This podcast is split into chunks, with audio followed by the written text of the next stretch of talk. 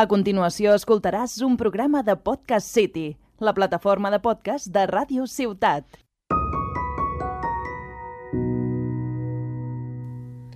Hola, hola, benvingudes i benvinguts un capítol més al Piscolabis, el podcast del Cultius Culturals. I bé, després d'aquest calorós maig, ja heu anat a la platja o què? I tant, de fet jo a principis de maig ja hi era, i és que no és per menys, amb el temps que ha fet aquests últims dies, perquè de fet ahir i, i avui ha estat així plovent, però ha fet molta calor. Aquestes temperatures al maig eh, no són normals, suposo que és canvi climàtic, Eh, I ara estava pensant que potser podríem dedicar un capítol de la tercera temporada al canvi climàtic, no? Doncs, doncs sí, un tema, un temazo. Estupendo. Bé, doncs en aquest capítol, penúltim de la temporada, parlarem de la mar, perquè ja arriba el caloret i després d'aquest curs tan ple, tan embolicat, però tan satisfactori, tenim moltes, moltes ganes d'estiu i de vacances. Oh, i tant. Poseu-vos una bona horxateta, que comencem.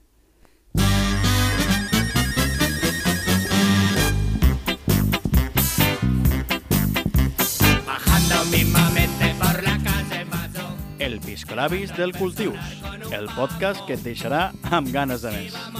Lo amiguete yo, jalando con la moto a todo trapo.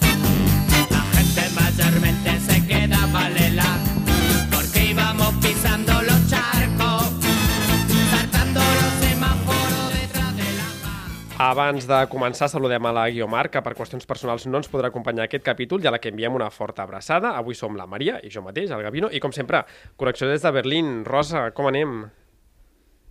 12 points! Ai, perdó, perdó. Sí, sí, i tant, tot bé. Ja semblem Eurovisió amb aquestes connexions que fem. Comencem.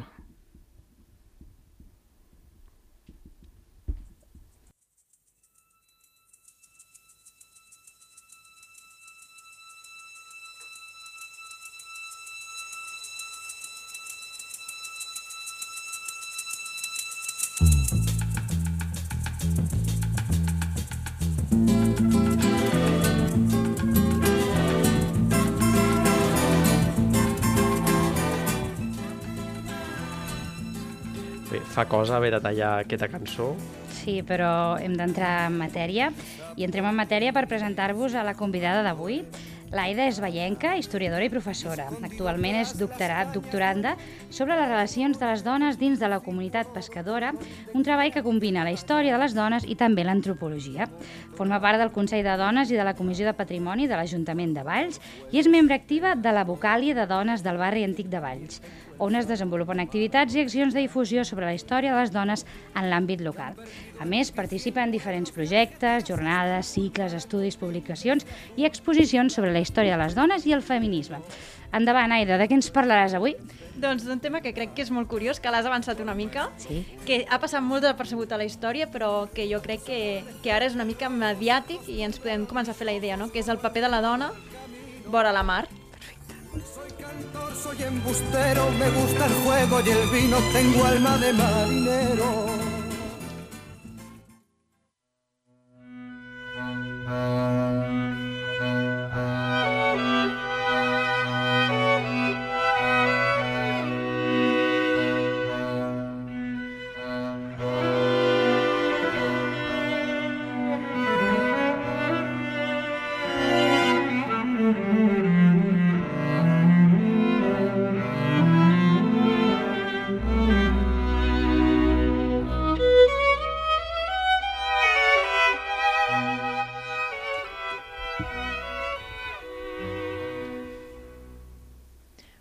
Us he avançat, parlarem de, dels papers de les dones vora la mar, no? Per, per què? Com sorgeix no, aquest tema? Perquè, clar, una dona, com tu m'has presentat, ballenca, que tothom sap que no té, no té mar, no? Els meus vincles amb la mar personals no són... No, no, no en tinc, vull dir, a mi no m'agrada ni la platja, no? Com he arribat fins a aquest tema? Doncs perquè ens vam adonar que hi havia una invisibilització de la dona, bueno, ja ho sabem al llarg de la història, però exclusivament en certs col·lectius, no?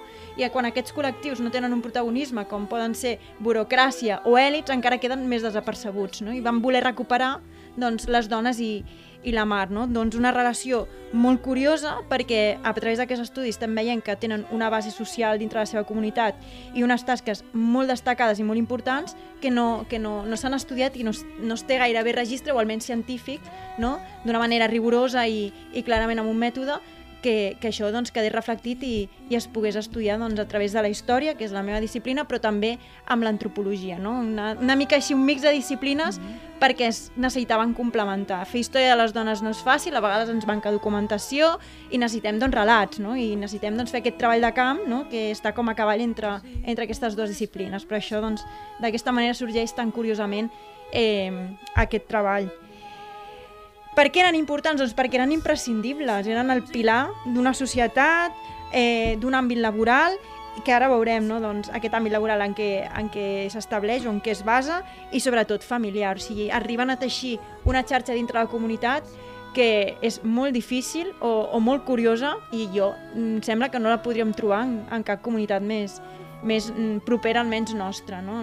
al llarg de, tant de Catalunya com dels països catalans, com fins i tot m'atreveixo a dir de l'estat espanyol si no és vinculat a la mar. I després de tota aquesta explicació que ens has fet d'aquest treball multidisciplinar, de les Mhm. dones relacionades amb el món del mar, etc, volem saber una mica quines tasques no? realitzaven aquestes dones. Sí, sí, quan parlo sempre em diuen ai, aquestes dones teves que pesca, no pescaven. bueno, bueno, un moment, jo no he dit que pesquen aquestes dones. Sí que és veritat que no podem negar amb no rotund si pescaven o no pescaven, perquè al final jo sí que crec que hi havia una activitat de, de subsistència. Potser elles no embarcaven, tot i que molts cops podien ser armadores, podien ser patrones, però no embarcaven, això sí que és veritat, o almenys fins ara és el que ens està demostrant eh, la teoria que, que estem seguint, però, però podien fer una, una pesca de subsistència. No? Al final, mm, les famílies són pobres, tenen pocs recursos i han de sobreviure, i des de la platja, doncs, possiblement moltes d'aquestes dones pescaven. Què més feien, no? Doncs la típica imatge, crec que tothom veu a xarxes, que quan passegem pel, pel port ens trobem, que són les remandadores, no? o les xarxaires, depèn d'on ens movem. Doncs les típiques dones com que estan cosint, no? estan remandant les xarxes. No? És la visió que tenim més, més propera i més, més, no sé, mediàtica, potser, no? On- s'han basat. Només feien això? No. És que per mi és la part visible. En feien moltíssimes més coses. Òbviament era una tasca molt important, però també era molt important vendre el peix perquè sense no es venia aquest peix que anaven a pescar aquests homes, no es menjava. També era important el recorregut que es feia per poder vendre aquest peix. Hem de tindre en compte que el peix es distribuïa a l'interior. Abans no hi havia cotxes, no hi havia camions, sí que hi havia vaixells, però bueno, era un altre ritme, no? Doncs aquest, molt d'aquests camins doncs, es podien fer caminant perfectament, no? També un altre tema, quina xarxa solidària entre elles, vull dir, la mar és un medi que no coneixem, que desconeixem, que, que, que mana, vull dir, una mar mana, no? I els homes sabien que marxaven però no sabien si tornaven, no? I com s'organitza aquesta societat, no? Una societat de dones, basada en les dones i amb les famílies, doncs també és molt curiós estudiar-ho. I, no? I aquestes xarxes, sobretot de solidaritat, perquè eren tan conscients que qui no menjaven eren les dones, els nens i els avis, que entre ells s'ajudaven, no? I ara més, més contemporàniament, doncs els tàpers anaven damunt avall, no? Però en altres èpoques, doncs, es fiava... Hi havia uns sistemes no? econòmics i, i socials molt, molt curiosos.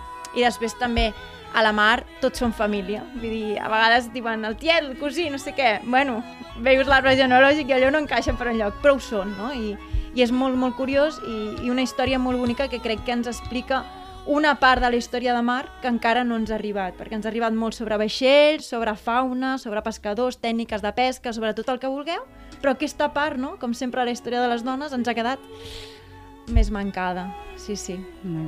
I en el passat, no? Jo crec que, que ens, has, ens has il·lustrat molt bé, però actualment, diguéssim, aquesta visió ha canviat o, o quin és el paper actualment que, que tenen? Hem de tindre en compte que la pesca és una activitat primària que jo crec que de les primeres que es van arribar a fer, no? l'explotació marítima per, com, per sobreviure, per subsistència, eh, amb més o menys mètodes. Això ha anat evolucionant, al llarg de la història veiem una evolució, però és bastant igual, és a dir, no evoluciona allò que diguis, és que hi ha un canvi brutal, potser sí amb el canvi de vela motor, però és bastant contemporani, vull dir, durant 1.000, 2.000 anys continua aquesta activitat amb vela, no? Es guiaven amb els aires, amb, bueno, amb les formes geogràfiques, etc etc amb les estels. Llavors, és la introducció del motor, és a dir, la tecnologia, no? que bé, per mi és la introducció del motor, que ja comença a fer canviar, canviar coses no? d'aquestes tècniques i la societat també evoluciona. Hi ha un altre factor, un segon factor, que és el turisme. Per mi el turisme és el factor que més els ha condicionat i el que més ràpid els han anat no? perquè hem de tindre en compte que les tasques estan dividides per qüestió de gènere, com ja he introduït, però també va de mares a filles i de filles a àvies, d'acord? Llavors, això amb el turisme es trunca perquè sorgeixen noves oportunitats i la societat amb el turisme evoluciona, evoluciona moltíssim, hi ha accés a l'educació, hi ha diners, hi ha noves oportunitats laborals i això comença a fer que la gent no s'hi dediqui, no? que jo vull un futur millor per la meva filla i no vagi a remendar, comenci a perdre's aquest patrimoni immaterial lligat del material, perquè es començaran a descontextualitzar certs eh, materials que s'utilitzen per una tasca molt concreta o certes maneres de fer les coses, no? que això seria l'immaterial. Llavors tot això podem dir que es troba en risc. Per què? Perquè no hi han descendents de pescadors i de remendadores, per exemple, o de dones de pescadors que hagin continuat, o molt pocs, fent aquestes tasques. Per tant, podem dir que estem en un procés de, bueno, de, en perill d'extinció, no? Mm. que el que intentem fer també a través d'aquesta tesi, perquè tenim molt clar que són els últims vestigis que ens queden, almenys a la costa catalana, tot sí, i que sí que es reprodueixen en altres parts del món, però parlem més com de casa nostra, és recuperar-ho, no? recuperar-ho, documentar-ho, gravar-ho, que quedi en audiovisual i que això doncs, quedin com a mínim en un arxiu, no? que en la memòria col·lectiva d'un- d'un col·lectiu, no? d'un sector molt concret, no es perdi, perquè al final també perdrem com a societat.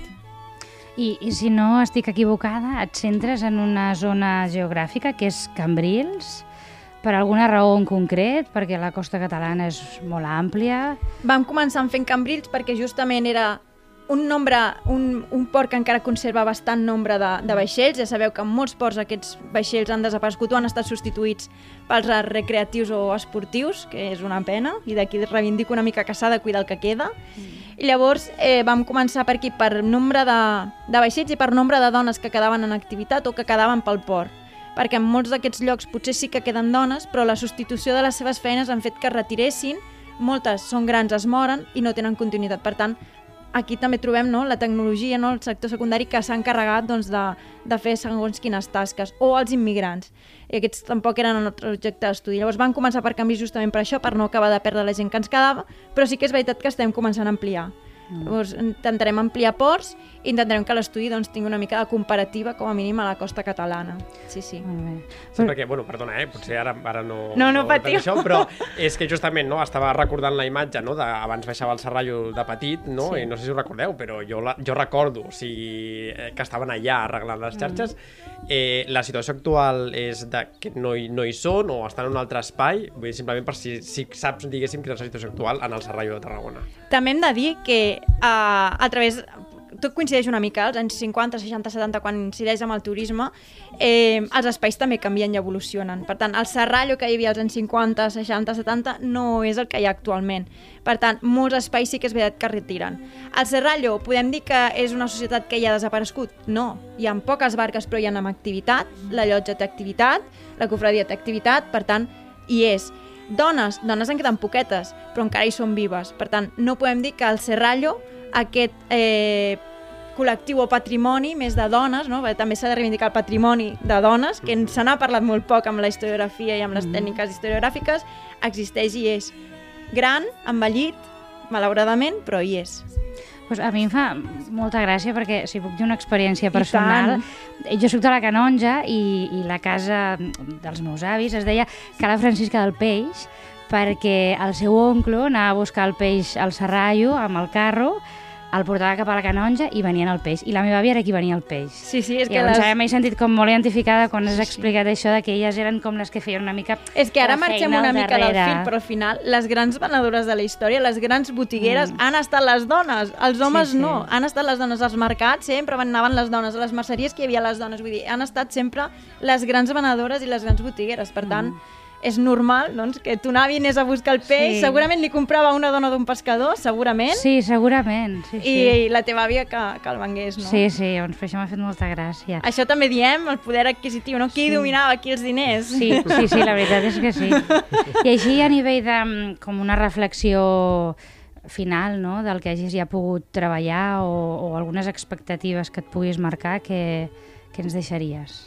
ens deixaria l'experiència de tota aquesta gent, no? Jo quan vaig començar vaig veure que era un col·lectiu que és estaven infravalorats, no? És allò, pescador, no? Era, era com un concepte una mica, uf, no? Marginal, Pobre, no? marginat, al llarg de la història també, no? I eren la gent que menys recursos tenia, i ells ho tenien com una mica assumit, no? Jo crec que poder anar pel port, preguntar, donar-los un protagonisme, els hi ha donat valor. Ells mateixos es comencen a creure el que han fet, no? Treure sempre dic, nosaltres fem una mica la cerca al revés, no? Nosaltres, normalment es fa la cerca i al final es presenten els resultats, nosaltres anem treballant i anem presentant cosetes. Mm. Per què? Perquè també necessitem retroalimentar-nos d'aquesta gent. Hem de tindre en compte que la documentació no arriba a tot arreu i jo el que necessito és recollir molts relats orals, per tant necessito arribar directament a la gent i això m'ajuda, no? Aquesta difusió prèvia a acabar el treball.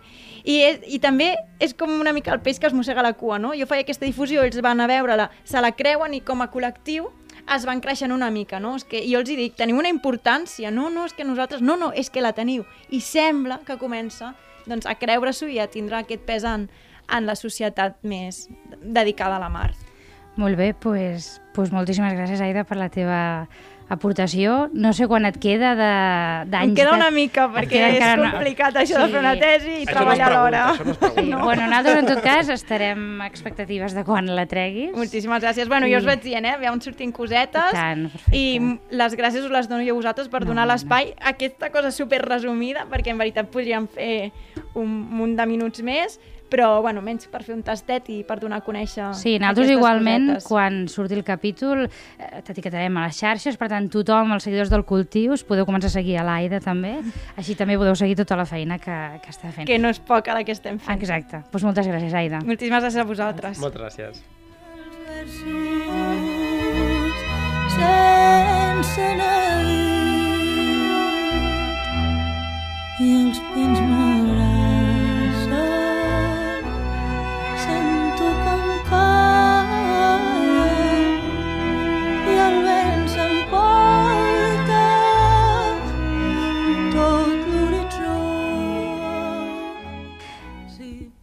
I ara passem de parlar una mica de, de la història de les dones relacionades amb el món de la pesca, perquè la Rosa avui ens parlarà de els primers mediterranis.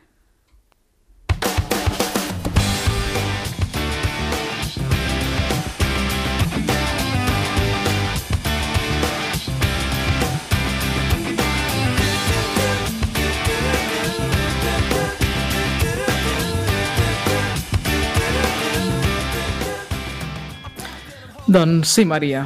Realment, quan vam decidir que voldríem parlar sobre el mar, se'm va fer una mica difícil de decidir quin mar triaria, però al final he acabat amb el Mediterrani. I un tema que, que em va cridar molt l'atenció des del principi era saber una mica més de, de la història d'aquest mar, no? Perquè en el fons, al final, el Mediterrani ha jugat un paper central en la, en la història de la nostra civilització. Des de, podríem dir, un paper neutral de tauler de joc, ha vist néixer i desaparèixer moltes poblacions, ha vist florir el benestar d'aquestes civilitzacions des de la seva costa i les ha, fet, i les ha vist sofrir també. O sigui, els romans el van batejar com a Mare Nostrum, el nostre mar, i sens dubte que per ells ho va ser perquè ho van controlar tot. Però com va començar tot plegat, no? Qui van ser els primers individus que van habitar les seves costes? Um, doncs avui parlarem d'això, de qui van ser aquests primers mediterranis.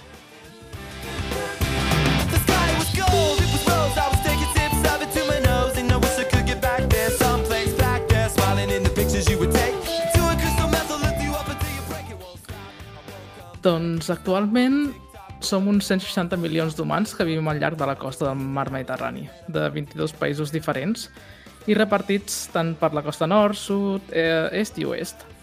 Els mediterranis del segle XX, eh, perdó, del segle XXI som cristians, musulmans, jueus, descendents de romans, cartaginesos, grecs, turcs, àrabs, egipcis, i podria fer una llarga llista més que no, que no, que no faré, però siguem sincers, tots els que vivim a la costa o hem viscut a la costa del mar Mediterrani, d'alguna manera estem units. I aquesta història d'aquest mar realment va començar fa molts milers d'anys, de fet, milions d'anys. No sé si us agrada la prehistòria o la, la història de la generació de la Terra, però avui parlarem de, de fa molts milions d'anys, o sigui, no sé si sou com jo, que em perdo al final amb tants, tants milions, però espero que, que això, Et seguirem. recordem les... La... Et La Maria seguirem. no, que és de... Jo sóc de protohistòria, Ja, bueno, no de prehistòria. T'acostes, t'acostes. Però, Rosa, et seguirem, no pateixis. Bé, doncs remuntem-nos ara concretament a fa 10 milions d'anys, val? Comencem per aquí. I ara ens imaginem que som un satèl·lit del Meteosat, ja sé que fa 10.000 anys, eh, 10, perdó, 10 milions d'anys no hi havia satèl·lits del Meteosat, però posem-nos en aquesta perspectiva de, de, de, d'àguila o de dau i, i enfoquem-nos en el que és avui la regió del Mediterrani. No hi veurem ni una gota d'aigua ni cap signe de vida humana. El que milions d'anys enrere havia estat cobert d'aigua, ara era una esplanada àrida, semidesèrtica i molt salada. Els moviments tectònics terrestres havien deixat el mar Mediterrani completament tancat entre el continent africà i l'europeu i al final doncs, el Mediterrani és com un, és com un llac si està tancat. No tenir cap font d'entrada d'aigua doncs havia literalment assecat per evaporació.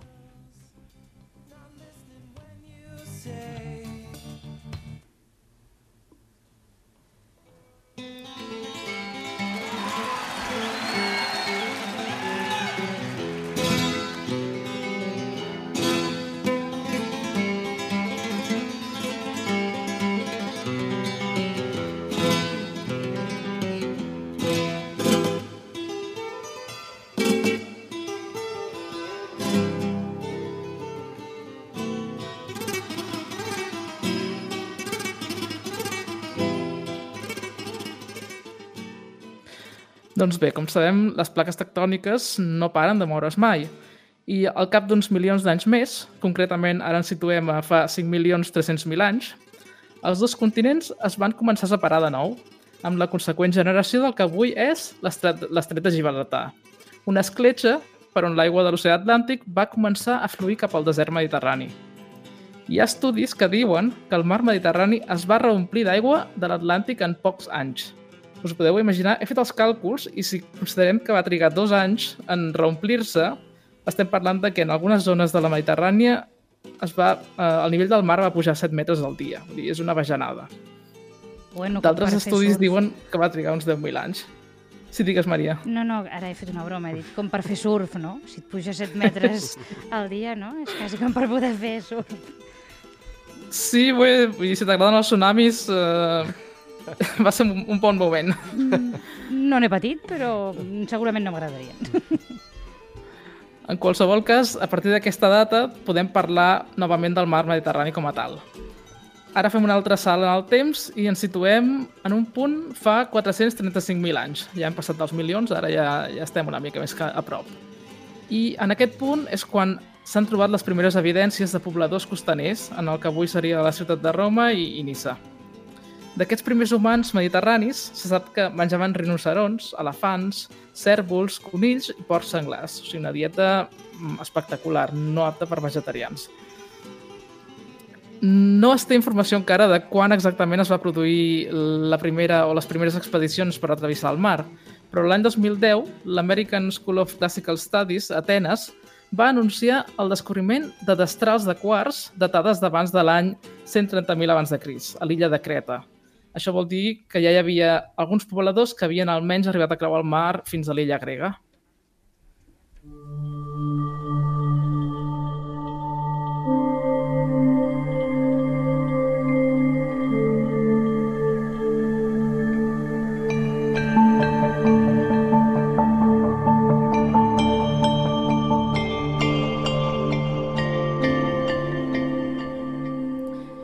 I ara ens situem una mica més cap a prop.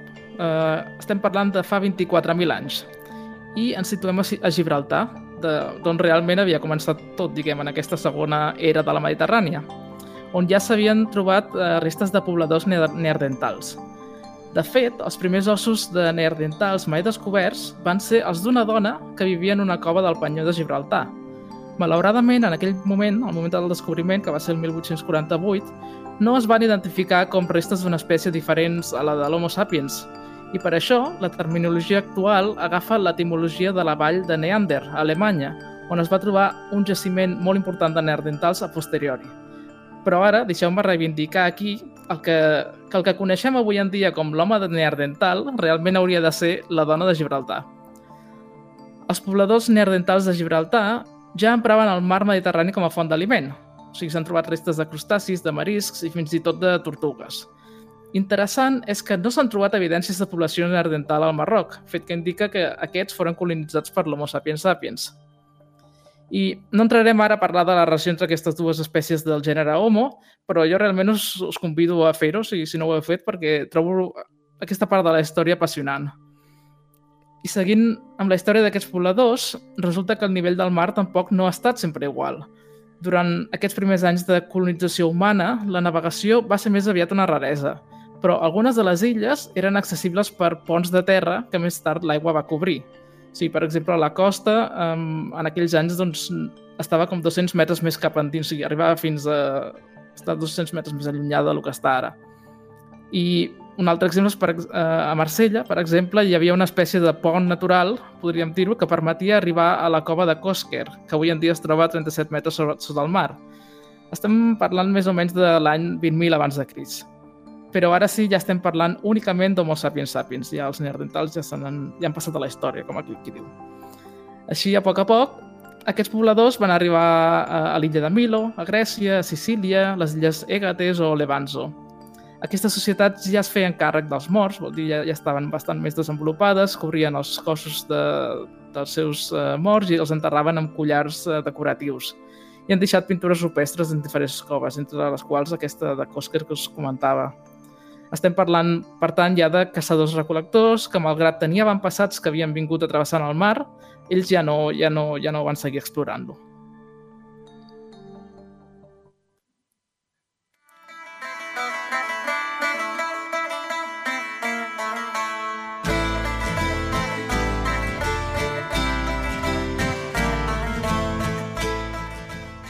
Haurien de passar uns quants milers d'anys més, concretament ens situem ara, ara a l'any 5.000 abans de Cris, quan després de canvis climàtics que van escalfar la Terra, van fer desaparèixer animals de gran envergadura i van canviar la vegetació, els descendents d'aquells primers pobladors van haver d'adaptar-se als canvis i van començar a menjar més del que el mar els proveïa.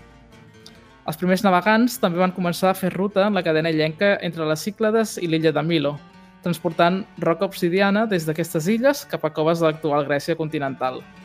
L'obsidiana, que es feia servir per fabricar fulles molt esmolades, com ganivets, llances, puntes de fletxa, etc., també es coneixia a Sicília, i per tant ja tenim els primers moviments marítims de transport d'aquest material entre illes, però encara no podem parlar de comerç, perquè no hi havia pobladors estables en aquestes illes, o sigui, realment la gent anava, agafava la pedra i tornava a casa seva. I no seria fins al Neolític, quan les societats que residien a la costa mediterrània, especialment en illes, adquiririen suficient complexitat social per establir llaços comercials entre elles. Recordem que fins llavors havia imparat l'autarquia. I fins aquí aquesta petita història dels primers mediterranis.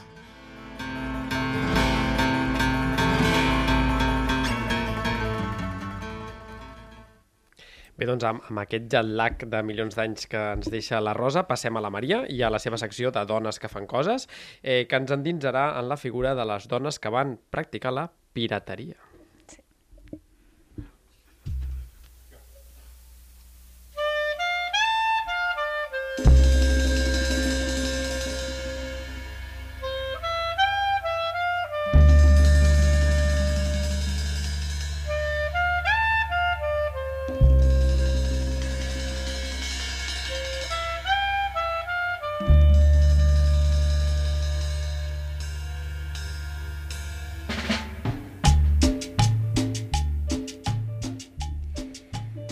Tothom té dret a vot, provisions fresques i licors. El botí es repartirà un a un, per llista, però si algú estafa o enganya serà abandonat en una illa deserta.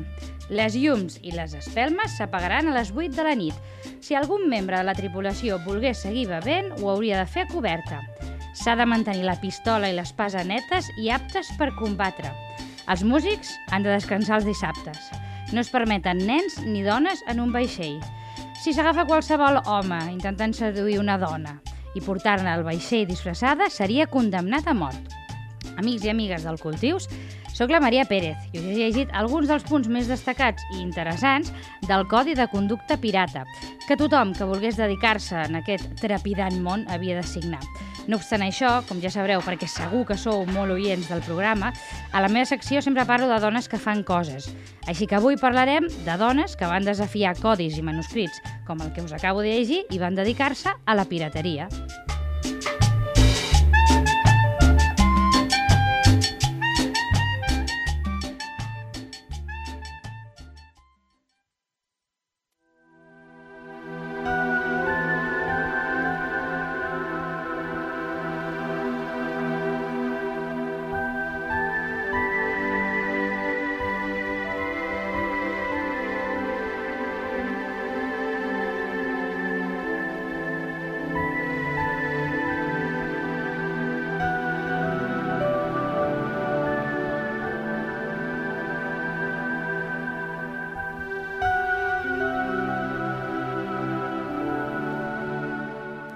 I després d'escoltar aquesta peça d'Evangelis, que malauradament ens va deixar fa, fa molt poquet, explicar que és ben cert que la pirateria ha estat un ofici, si és que se li pot dir així, sempre associat als homes. Però no obstant això, al llarg de la història, hi ha hagut dones pirates i dones que han afavorit la pirateria.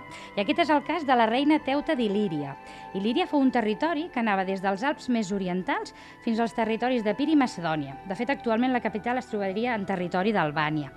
La reina Teuta va assumir la regència del país a la mort del seu marit, el rei Agros, precisament per desig explícit del mateix. No tenim massa informació al respecte, però el que sí que sabem és que va ser una gran monarca, i d'aquí el seu sobrenom, Teuta, que significa la que dirigeix el poble.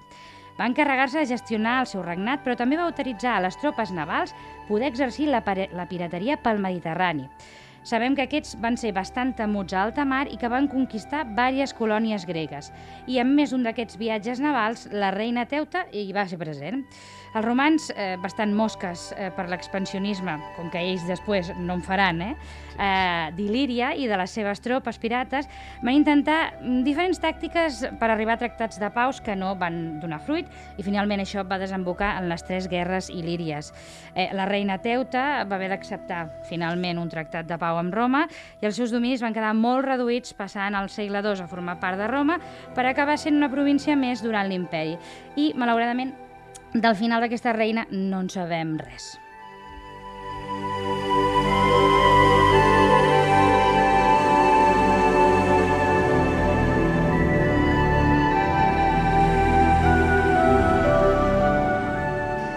Com si d'un passeig històric es tractés això, ens situem ara a l'edat mitjana i destacarem dues figures importants. Ja em perdonareu la pronúncia perquè no sé si la faré bé. Jeanne de Clisson o Joan de Belleville i Elise Skildotter. La primera, Jeanne de Clisson o Joan de Belleville, va rebre el sobrenom de la tigresa de la Bretanya. Va ser filla de nobles i va esdevenir corsària per venjar precisament l'assassinat del seu segon marit, Olivier IV de Crison, a mans del rei Felip IV de França.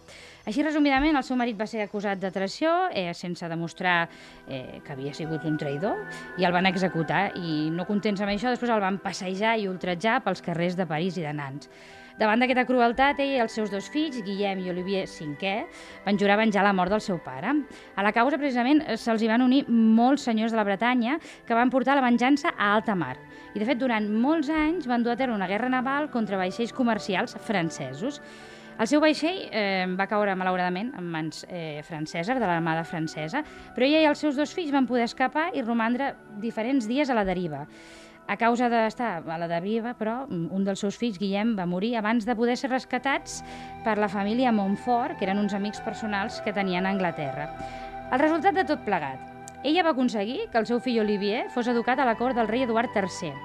Ella es va casar amb un noble anglès que tenia molts diners, que era tinent del mateix rei, i es va retirar a la seva residència de Henenbot a viure la vida fins que l'any 1539 doncs ja va morir tranquil·lament. Ara passem a parlar de l'altra, que es diu Elise Skilsdotter, i que, com podreu comprendre, és sueca. Per això m'ha costat tant dir el seu cognom. També es va casar amb un, amb un noble suec, Olaf Nilsson, que va ser nomenat corsari pel rei Cristià I de Dinamarca durant la guerra danesa hanseàtica. Després d'arribar a un tractat de pau entre aquests eh, dos territoris, aquest senyor, l'Olaf, diguem-ne que li va continuar agradant allò d'assaltar vaixells eh, enemics, una mica en contra del que el rei havia establert amb el tractat de pau i va tenir un trist desenllaç. Va acabar assassinat ell, un dels seus fills i els familiars. Després de la seva mort, la seva dona també i els altres dels seus fills van voler venjar la seva mort i ho van fer a través de la pirateria i van estar liderant una guerra a mar obert contra el comerç de mercaders alemanys a Bergen, fins també la seva mort l'any 1483. Però aquí també hem de dir que va morir arruïnada perquè el rei cristià li havia tret tota la seva, tot el seu feu per eh, falta de lleialtat, bàsicament. Però, Maria, aquestes dones que, que trobem dedicades a la pirateria eren només a Europa o era també fora? No, no pas, Rosa, de fet, molt bona pregunta. Continuem amb aquest meravellós passeig històric i ens situem ja a l'edat moderna. Parlarem ara de Seguida al Hurra. Gavino, corregeix-me si ho he pronunciat bé. perfecte, Sí? sí, sí. D'acord, perfecte. Que fou coneguda amb el sobrenom de la Dama Lliure o la Timonera de Tetuan, ja que va governar la ciutat de Tetuan entre el 1512 i el 1542. Ella va néixer a Chauen, al Marroc, cap al 1500 aproximadament es va casar amb Ali al-Mandri, que va ser més conegut com a Sidi Mandri, que va ser un general eh, granadí exiliat que va ser governador de la ciutat de Tetuán i la seva regió en la qual eh, van trobar refugi molts eh, granadins i granadines que fugien de l'avenç precisament de les tropes castellanes. Sayid al-Hurra va tenir moltíssima influència en les decisions del seu marit, que era bastants anys més gran que ella i que arrel d'una ferida de guerra va quedar una mica impossibilitat i ella va agafar una mica les funcions eh, del, seu marit, del seu marit. Van sostenir i finançar la navegació corsària des del port de Martil, una activitat a la qual es van dedicar molts refugiats andalusins, tant a Tetuán com en altres indrets de la regió, com ara la República de les Dues Ribes.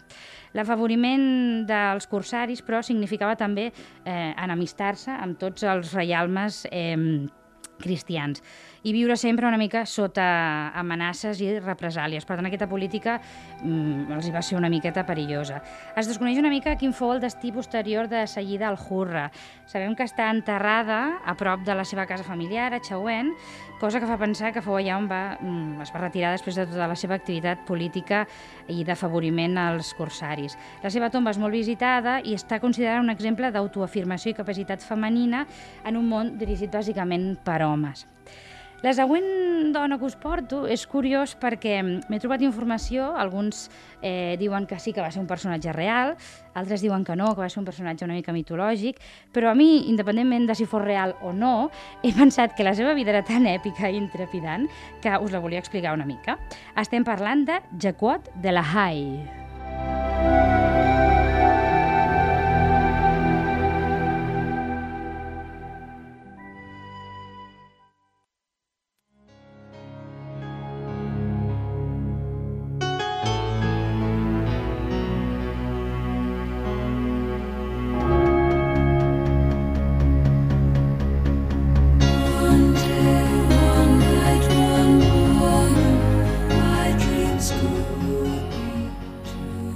Delahai va viure a la colònia francesa de Santo Domingo, l'actual Haití. El seu pare era d'origen francès i la seva mare era haitiana. La mare, malauradament, va morir en el part del seu germà petit i el seu pare va ser assassinat, no se sap molt bé com.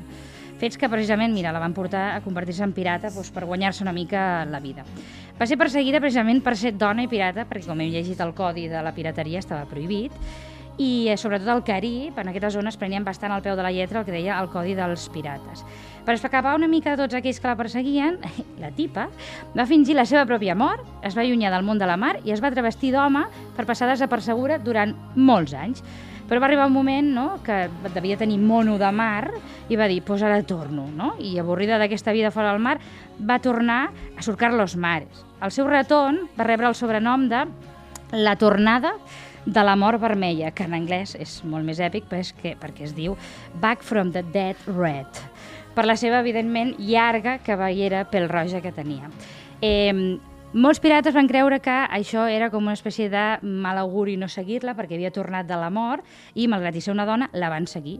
Va capitanejar diversos va vaixells i fins i tot va ocupar una illa al Carib l'any 1656 que va batejar amb el nom de la República dels Pirates. I d'aquesta República dels Pirates en parlarem una miqueta eh, posteriorment. Es creu que va morir precisament defensant la seva illa d'algun atac. De fet, ara mentre t'escoltava navegant pels mars del Carib, eh, m'imaginava una hipotètica trobada no, entre alguna d'aquelles pira... eh, entre, entre aquesta pirata i alguna de les conquistadores extremenyes, no, com Inés Suárez o Inés Muñoz, no? Mhm. que es van fer a la mar. I què hagués passat, no? Si, per exemple, Maria Escobar s'hagués trobat amb ella, eh, en aquesta illa, i no hagués introduït el blat a Amèrica? Bueno, és una pregunta retòrica Sororitat. perquè... Hagués sorgit sororitat, Sí, segur. i a més a més no oblidem el meló ara del colonialisme, eh? Per tant, eh, ràpidament, Maria, i ara que ha aparegut el Carib, i per aquí, en el moment que apareix el Carib, a- surten los pirates del Caribe eh, i per tant doncs, ens podries parlar d'alguna piratessa que operés també per aquestes, per aquestes aigües I tant, Gavino, ara mateix.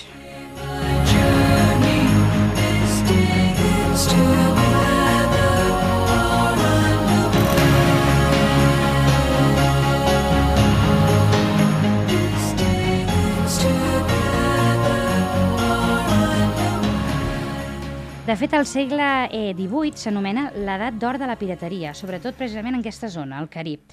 Tot i que les monarquies van ampliar bastant les seves armades per fer front a l'amenaça pirata, foren bastant insuficient per parar-los i per parar-les. Parlem de dues pirateses, segurament de les més conegudes del panorama del Carib, que es deien Anne Bonny i Mary Red.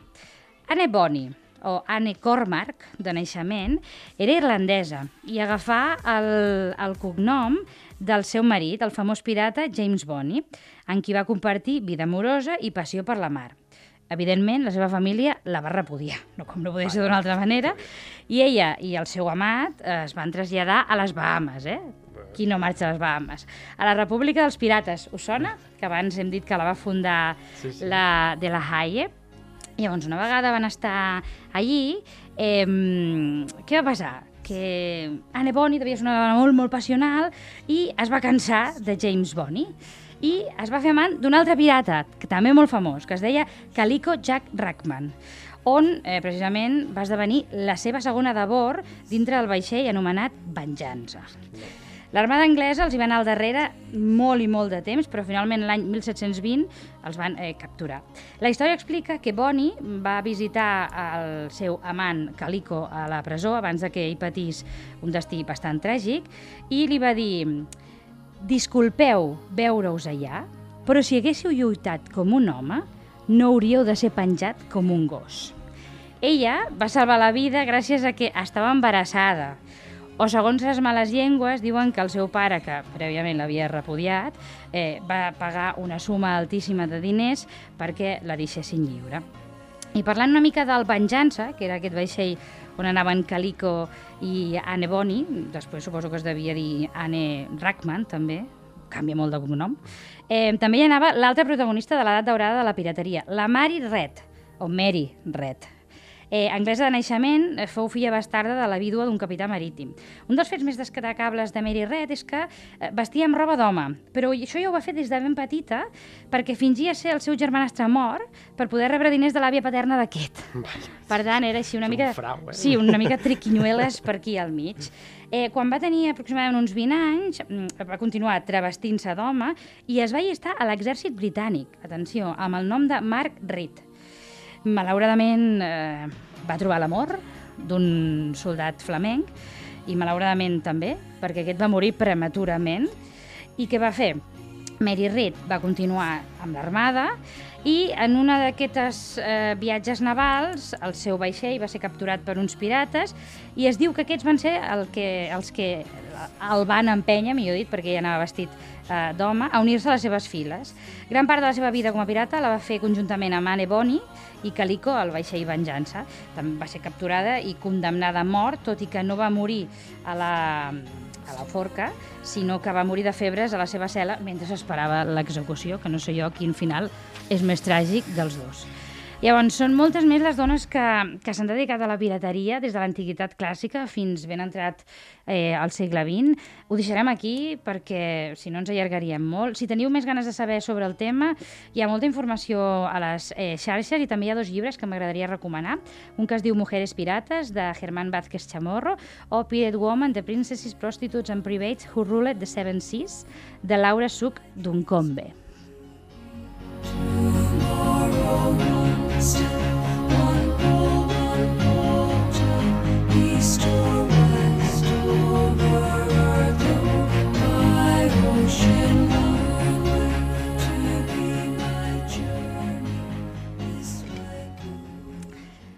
Amb el Gavino marxem cap a diferents jaciments museïtzats a prop del mar. Endavant, Gavino.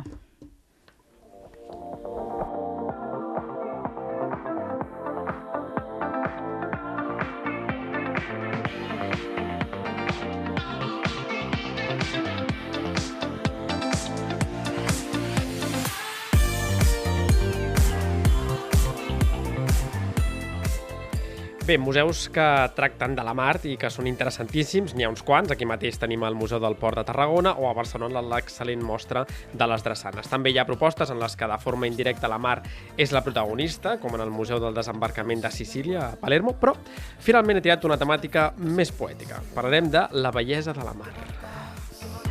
La felicidad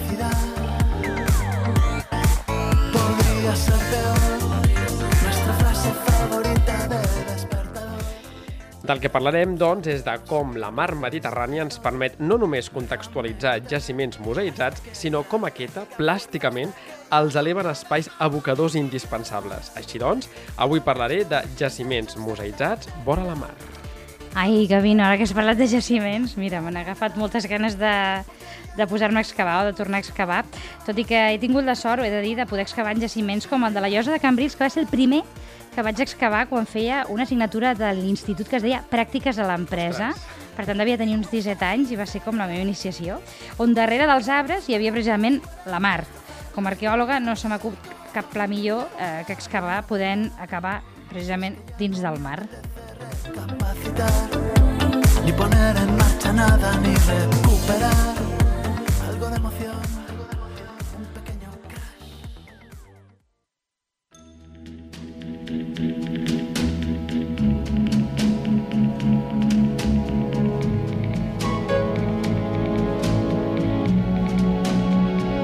Sapore di sale, sapore di mare. Bé, eh, a ningú se'ns escapa que d'amfiteatres romans n'hi ha molts al llarg de la Mediterrània, però cap d'ells és comparable al mar que tenim a Tarragona, i és que aquest colossal edifici, que pertany al Museu d'Història de la ciutat, sempre apareix amb un fons immillorable, la mar. I clar, per molt que no sigui ni el més espectacular, ni el més gran, ni el millor conservat, és la mar qui li otorga la categoria d'excepcional. No és l'únic, i de fet existeixen altres, com el de Pula, Croàcia, però aquest ja té un port esportiu al darrere, i clar, ja, ja no és el mateix. Si anem des del Jazires a Estambul, com, com diu Serrat, no pararíem de trobar exemples del temple de Pozzuoli, el Teatre Grec de Taormina, etc etc etc. Dove il mondo è diverso, diverso da qui. Il tempo è dei giorni. Per no limitar-nos a fer un llistat de jaciments mediterranis, ens aturarem molt a prop de Tarifa, a la província de Cádiz. De fet, molt a prop d'on ens ha portat abans la, la, la Rosa. El jaciment de Bailo Clàudia. Allà, amb una vista immillorable de l'estret de Gibraltar, mentre en l'actualitat passen gegantins vaixells de càrrega entre l'Atlàntic i la Mediterrània, entre Europa i Àfrica, podem contemplar les ruïnes del que va ser un important assentament urbà d'una ciutat romana dedicada al comerç, a la salaó i a un dels aliments més preuats de l'antiguitat, el garum. Aquella salsa, que actualment no sé si algú la voldríem eh, tastar, feta per vísceres fermentades de peixos, bueno, el que vindria a ser al final una baldana marítima, bueno, una baldana potser líquida i fermentada, no? Però bueno, eh, també bastant fastigós. Jo, perdó, jo l'he tastat. Sí? Però Sí. el real real o la versió del jo, segle XXI? No, no, jo he tastat un potet que em van portar precisament de, de Cádiz, De- de- de l'antiga Gadir, i he de dir que estava molt bo. No, clar, és que és com la baldana o la morcilla. Si no penses el que és, està riquíssimo. Sí, sí. En qualsevol cas, el garum aquest acompanyava els àpats eh, de les romanes i dels romans, necessitava, òbviament, de peixos, i clar, quan els romans van arribar a l'Atlàntic, i en concret al punt on aquest oceà s'ajuntava amb el Mare Nostrum, van veure aquests peixots grossos d'espècies que desconeixien, i clar, se'ls van posar les dents llargues imaginant-se la de garum que podia sortir de les seves vísceres. De fet, encara en l'actualitat, segurament l'antiga fàbrica de garum és eh, l'element més destacat i interessant del jaciment, però no és l'únic. El jaciment compta amb un museu, per cert, tant l'entrada al museu com el jaciment és gratuïta, però no obrirem ara el debat de cultura gratis, sí o no. Per un altre ta- capítol. Sí, exacte.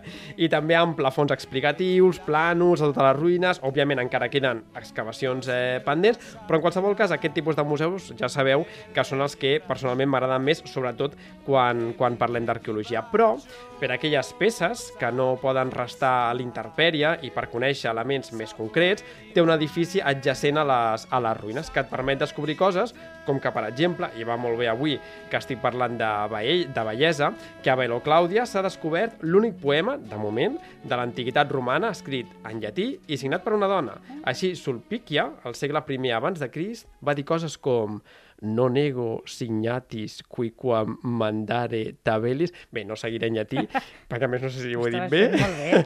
però, però vindria a dir però m'encanta haver pecat. Em dóna vergonya posar cara de santa per la por a la fama.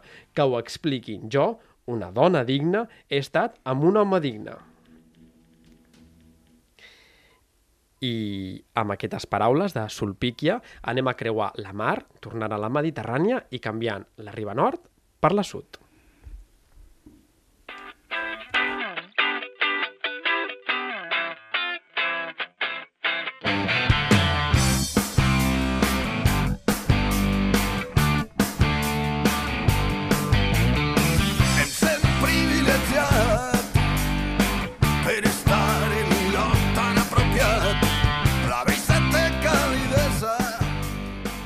Per espais privilegiats, els de l'antiga Cartago. Molts eh, pensareu que total, que s'ha de veure si els romans van deixar-la completament destrossada. Bé, però és que és d'això del que parlo avui, de la bellesa de les ruïnes, no? I què pots d'haver més vell que les ruïnes de la ciutat més important d'una antiga civilització, les ruïnes de l'antiga Cartago, a l'actual Tunis? De l'antic i famosíssim port circular, que allotjava la impressionant flota marítima cartaginesa, queda molt poc. De fet, podríem dir que amb prou feines es queda la forma del que era, però suficient per abocar a temps eh, passats. Val a dir eh, que de l'actual jaciment arqueològic de Cartau, que per cert va ser declarat Patrimoni Mundial ja a la dècada dels 70, la majoria del que veiem realment és d'època romana. És a dir, la ciutat que van fer els romans després de destrossar l'existent sota la batuta de Scipió, que no sé si ens sona per què Tarragona, fins al punt de salar la terra, bueno, potser això més en sentit metafòric que real, i sense pensar que després havien de fundar una ciutat romana. És que aquest capítol ja en podríem parlar perquè és una mica de loser, eh, fer això. Tirar-se a la terra que després t'has de conrear tu mateix. és li- Però no passa res, en un atac d'ira, tots hem fet exacte, coses rares. Sí, exacte. No, ara, ara no ens ficarem No, a tirar no, no. per terra tot l'imperi romà. No, no, no, no, no, en un altre capítol. Però, de fet, no, no, no anava a entrar en guerres púniques, però podem entrar, eh? Vull dir... M'encanta. Això va passar a la tercera, això de la destrossa de Cartago. A la segona, el que més ens interessa és que va ser el detonant per la posterior fundació de Tàrraco. Bueno, i també va passar allò d'Aníbal, als Alps, bueno, i tot aquest rotllo.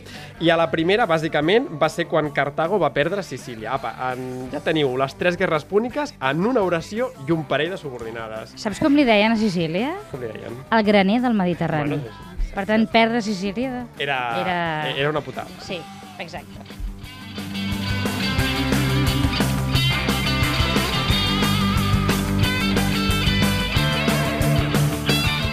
De la Cartago púnica, doncs, poc ens queda. Però el poc que ens queda està a la riba marítima, motiu suficient com per voler contemplar-la, les ruïnes romanes, per cert, força interessants, ja que hi ha desenes de viles, odeons, les termes antonianes, aquest últim l'element més proper a la mar, i més proper a la residència de l'actual president de la República de Tunísia, la qual està al costat de la mar i sobre l'antiga capital cartaginesa. Per tant, el poder, milers d'anys després, al mateix lloc.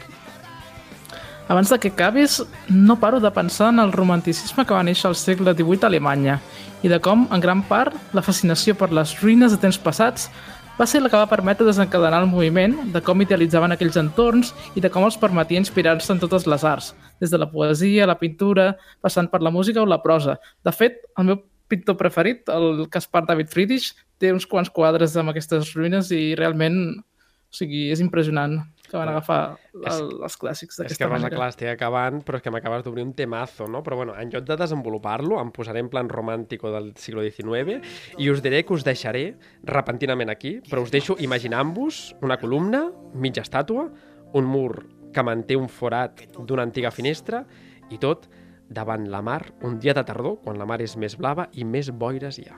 El miedo es un dictador que hace perder el amor y te rebasa.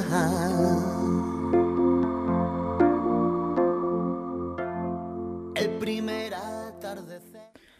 I fins aquí l'episodi del Piscolabis on hem parlat del, mort, del món de la mar, des de diferents punts de vista. Les dones i el mar, els primers pobladors del Mediterrani, els jaciments museïtzats a prop del mar i les dones que van practicar la pirateria. Volem agrair a la Ràdio Ciutat de Tarragona aquest espai que ens ha cedit i en especial al nostre tècnic de so, el Lluís, que ha dirigit la producció d'avui. Així com donar les gràcies també a la nostra convidada, l'Aida, que ha fet un paper molt important parlant-nos de les dones relacionades amb el món del mar. I nosaltres som el Gavino, la Guiomar, la Maria i la Rosa, som l'equip del Cultius Culturals, ens podeu seguir a Twitter, Instagram, Facebook i al nostre blog cultiusculturals.cat. Fins la propera!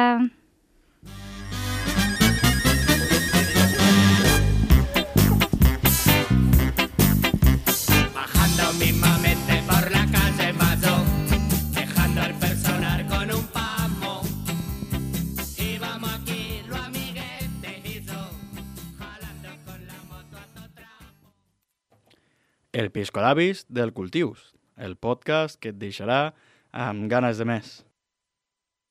Has escoltat un programa de Podcast City, la plataforma de podcast de Ràdio Ciutat.